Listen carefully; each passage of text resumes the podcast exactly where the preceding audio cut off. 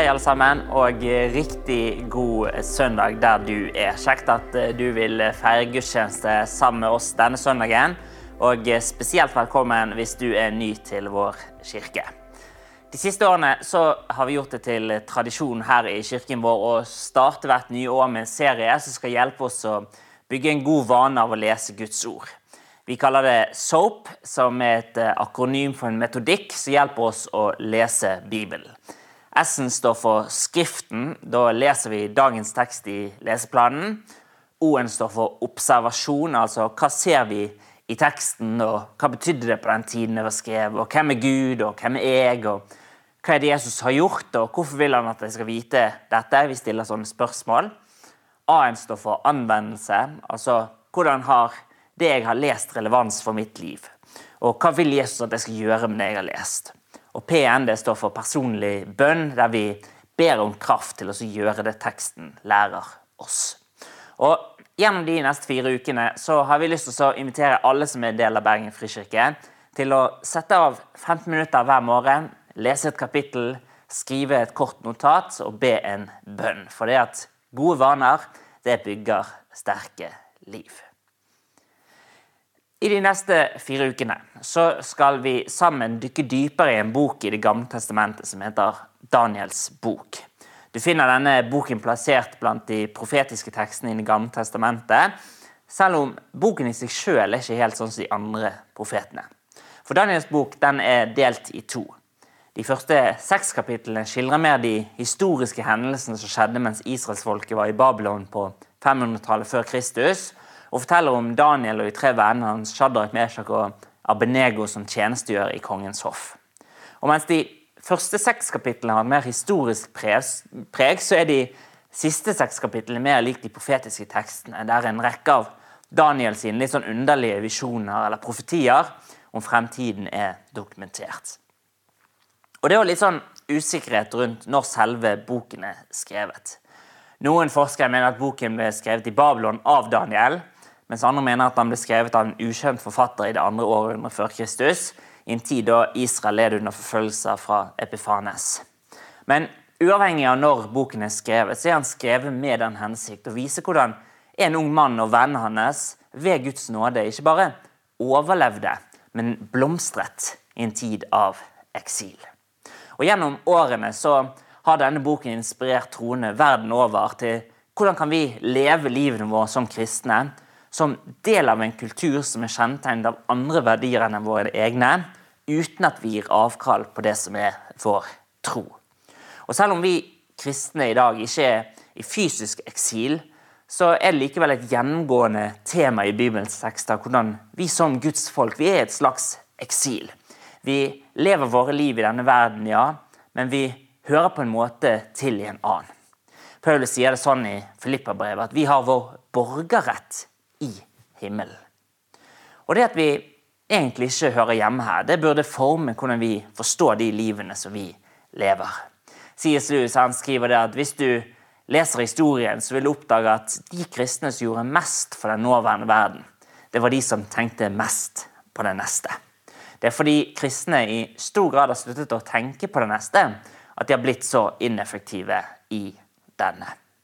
Og Det er jo nettopp dette som er historien i Daniels bok om hvordan fire unge menn hadde en sånn sterk indre identitet som gjorde at livene de levde her ute, ble annerledes.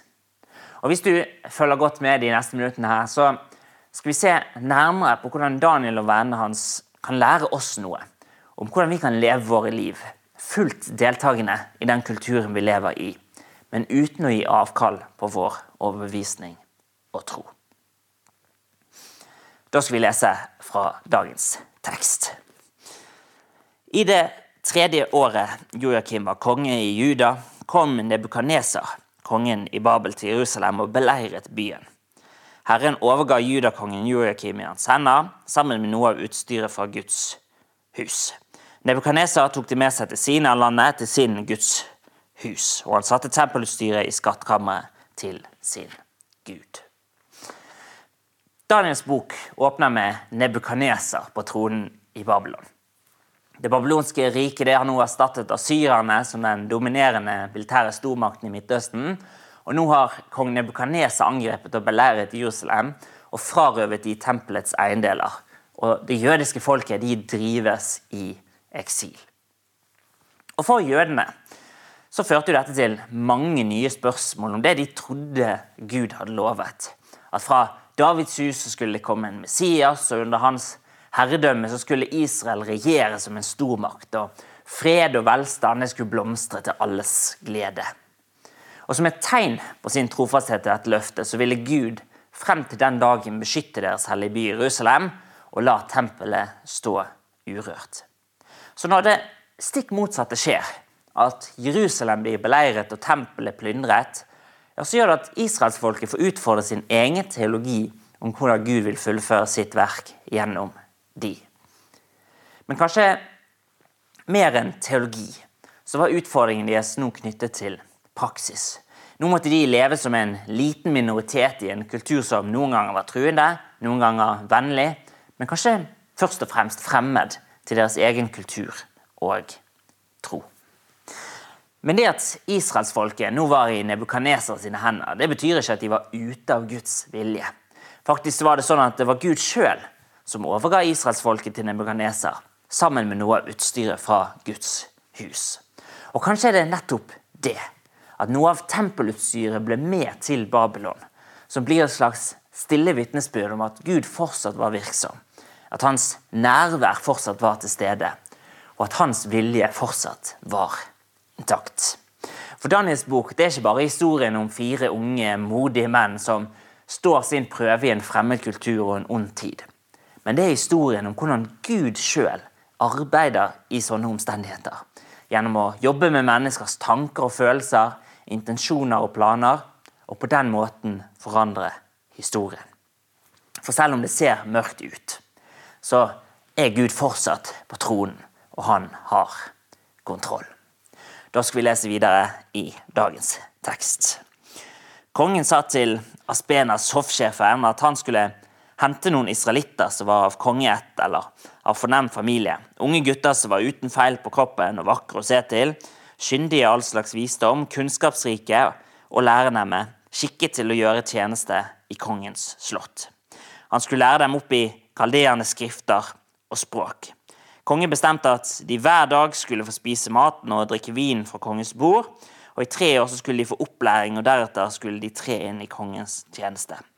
Blant dem var jødene Daniel, Hananya, Mishael og Asarya. Hoffsjefen ga dem nye navn. Daniel kalte han Belsazar. Hananya kalte han Shadrach. Mishael kalte han Meshach. Og Asarya kalte han Abed Nego. Ført i eksil til Babylon, så måtte israelsfolket nå finne ut hvordan skulle de håndtere denne situasjonen. På den ene siden så var det sikkert mange som tenkte at nå er slaget tapt. Så det enkleste det vil bare være å bli som babylonerne, glemme dette med Israel. og Bare prøve etter beste evne å leve et så ukritisk og komfortabelt liv som mulig.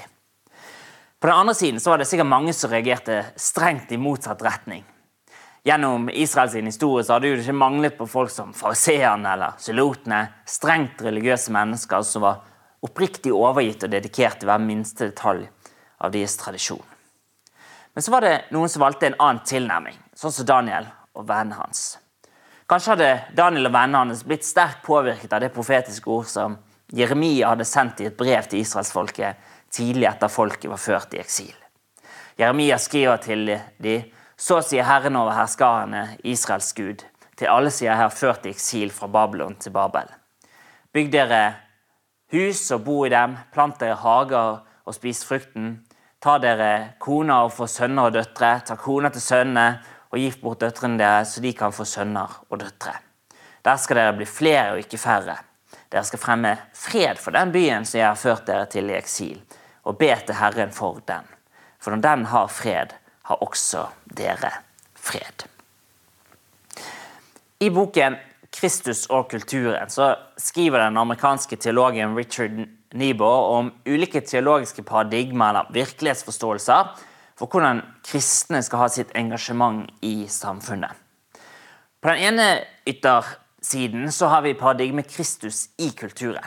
Der kommer kulturen fra Gud og er grunnleggende god. Altså så har ikke synden endret noe med kulturens karakter. Og I dette paradigmet så er den kristne sitt mål å bli ett med kulturen. Og Ved å være en god samfunnsborger som bidrar positivt, ja, så blir man en del av det Gud gjør i verden. På den andre yttersiden så har vi paradigmet Kristus mot kulturen. Der fremstilles kulturen som syndig og gudsforlatt. Kulturen er her som et slags synkende skip, mens Jesus og kirken det er som en livbåt som redder mennesker fra kulturens syndige innflytelse. Og I dette paradigmet er den kristne sitt mål å frastå fra kulturen for å beskytte seg fra den dårlige innflytelsen. Men så skriver Nibor om en slags middelvei, et tredje paradigme kalt Kristus forvandler kulturen hvor kulturen på den ene siden er ødelagt av synden, men samtidig så har han et potensial for Guds forvandling. Altså er kulturen både ond og god på samme tid, og kan dermed reorienteres og forvandles slik at den er i samsvar med Guds vilje. Og Med det så blir den kristne sitt samfunnsoppdrag ifølge dette paradigmet å utøve sin innflytelse i kulturen for å omforme kulturen til Guds ære. Og Kanskje var det med den virkelighetsforståelsen at Daniel og hans tre venner bega seg ut på oppgaven. De måtte finne en måte å slå seg ned i Babylon over lengre tid og samarbeide innenfor Babylons strukturer og kultur uten å gi slipp på det unike ved deres tro. Så Daniel og vennene hans de begir seg ut på denne reisen. De får opplæring ved kongens hoff, de blir opplært i babylonsk litteratur, de får plass på første rad i den babylonske kultureliten, og de får nye babylonske navn oppkalt etter babylonske guder. Og Umiddelbart så kan det virke som om Daniel og vennene slår seg til ro i det komfortable livet som en del av den babylonske eliten. Men som vi snart skal se, så gjør de det på en måte som gjør at de blir en del av Babylon uten at Babylon blir en del av de. Da skal vi lese videre fra dagens tekst. Daniel bestemte seg for at han ikke ville gjøre seg uren med maten og vin fra kongens bord. Han ba hoffsjefen om å få slippe å gjøre seg uren. Gud lot hoffsjefen få godhet og velvilje for Daniel, men hoffsjefen sa til Daniel jeg frykter at min herre kongen, som har bestemt hva det er jeg skal spise og drikke, skal synes at dere ikke ser så friske ut som de andre guttene på deres alder. Og da har dere satt livet mitt i fare hos kongen. Daniel sa det til oppsynsmannen som hoffsjefen hadde satt over Daniel, Hananya Mishael og Saria. Prøv tjenerne dine i ti dager. Gi oss grønnsaker å spise og vann å drikke, så kan du sammenligne vårt utseende med de andre guttene som spiser av maten fra kongens bord, og behandle tjenerne dine ut fra det du da får se. Han hørte på det i denne saken og prøvet de i ti dager. Og Da de ti dagene var gått, så viste det seg at de så bedre ut og sunnere ut enn de guttene som hadde spist av maten fra kongens bord. Så lot oppsynsmannen dem slippe den maten og vinen, og ga dem grønnsaker. Daniel og vennene hans har som vi har sett slått seg ned i Babylon, og de deltar i den babylonske kultureliten. Men samtidig gjør de det med et sånt løsrevet forhold til kulturen at de har ikke noe problem med å sette en grense. Og På den tiden så var det sånn at den trusselen som Daniels egen nasjon Israel står overfor, det var å sakte drive inn i full konformitet med Babylons skikker og tradisjoner. For ved å bli helt som Babylon så kunne Israel miste syne av formålet og de løftene Gud hadde gitt Israel som nasjon. Så en strek måtte settes ett sted. Kanskje var dette noe av poenget, at en strek måtte settes. Og Daniel han følte at nasjonens fremtid var avhengig av et slags ytre tegn på nasjonens distinksjon. Så han tar et valg på sin samvittighet. Han bestemmer seg for at han vil ikke gjøre seg uren med maten og vinen fra kongens bord. Og med første øyeblikk så kan jo det virke litt underlig. For hva er det som er så farlig med å spise og drikke fra kongens bord? Til og med Jesus advarte jo mot den slags strenge regulering av det ytre når han sier at ikke noe av det som kommer inn i mennesket utenfra, kan gjøre det urent. Men under noen omstendigheter så kan saker som ellers virker trivielle, være av den største betydning. Og Kanskje var det viktig at distinksjonen gjaldt akkurat mat, som så ofte er forbundet med en nasjons identitet. For hva er vel Norge uten kjøttkaker i brun saus, og hva er England uten fish and chips, og hva er Italia uten spagetti? Så i omstendighetene av eksil så følte Daniel at det var behov for å gjøre et sånt dramatisk ytre tegn for å forhindre at Israel som nasjon ble så absorbert av Babylon at de mistet sin identitet. Og kanskje har vi som kristne noe å lære av Daniel her. At i en kultur og et samfunn som endrer seg raskere enn noen gang, så trenger også vi å sette noen grenser for hva er vi med på, og hva er vi ikke med på. I første Korinterbrev skriver Paulus til menigheten om en pågående diskusjon de har om hvorvidt kristne kan spise kjøtt som har vært ofret til avguder. Paulus han virker å ha et ganske avslappet forhold til det hele og skriver at mat det fører oss ikke nærmere Gud. Vi oppnår ikke noe om vi spiser, og vi taper ikke noe om vi lar være. Men så skriver Paulus samtidig at jeg har lov til alt, men ikke alt tjener til det gode. Jeg har lov til alt, men ikke alt bygger opp. Paulus sier altså at det finnes en frihet, ja, men òg samtidig en samvittighet for hva som er til det gode, og til det som bygger opp. Og Kanskje er det litt for oss som Daniel. At det kanskje ikke finnes et fasitsvar i enhver situasjon for hva som er rett og galt, men at vi i møte med kulturen må spørre oss sjøl er dette til det gode og bygger det opp. Fører det meg nærmere Guds hensikter, eller gjør det at jeg over tid drifter vekk fra ham? Og Et sted burde kanskje også vi sette en grense. I et karrierejag som gjør at vi jobber mer enn det som er bra for oss. I et forbrukersamfunn som forbruker mer enn det som er bærekraftig. I en prestasjonskultur som behandler mennesker basert på det de kan prestere. I en radikal individualisme som gjør at vi blir navlebeskuende og egoistisk. Daniel setter en strek for å ikke miste sin identitet som troende. Og Kanskje burde vi òg i noen situasjoner gjøre det samme. Og til slutt, i dagens tekst, så kan vi lese det at Gud ga de fire guttene kunnskap og kyndighet i alle skrifter og all slags visdom, og Daniel skjønte seg på alle slags syner og drømmer. Og Da tiden kongen hadde fastsatt for at enda de skulle føres fram for ham, førte hoffsjefen dem framfor Nebukadneser. Kongen snakket med dem, og det fantes ingen som kunne måle seg med Daniel, Hananya, Mishael og Asaria, Og de trådte inn i kongens tjeneste. Hver gang kongen spurte dem til råds i saker som krevde visdom og forstand, så fant han dem ti ganger visere enn alle drømmetydere og åndemannere i hele riket. Og Daniel ble værende der til kong Kyros første regjeringsår. Tenk på det. Daniel en flyktning i et fremmed land. Blir en av kongens nærmeste rådgivere. Og Det er ikke gjennom militær eller politiske prestasjoner at Daniel bygger seg sin posisjon i Babylon. Men det er gjennom å tjene Gud og tjene sin neste. Det er som om vi kan høre ordene fra Jesus sjøl, som sier at den som skal være stor blant dere, han skal være de andres tjenere. Han som sjøl ga avkall på sitt eget og tok på seg en tjenerskikkelse. Og det virker som om Gud hedrer det.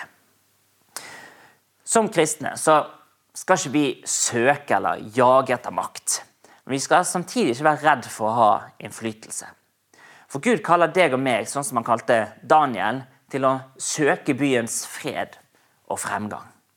Og Ønsker vi å tjene og elske det samfunnet vi er en del av, ja, så må vi ta tak i noen av de utfordringene som samfunnet står overfor.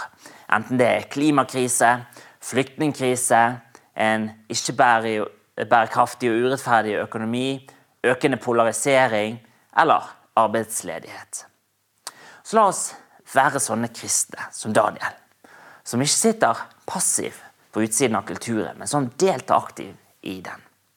La oss være sånne kristne som har en sånn sterk indre identitet, så vi vet når vi må sette en grense.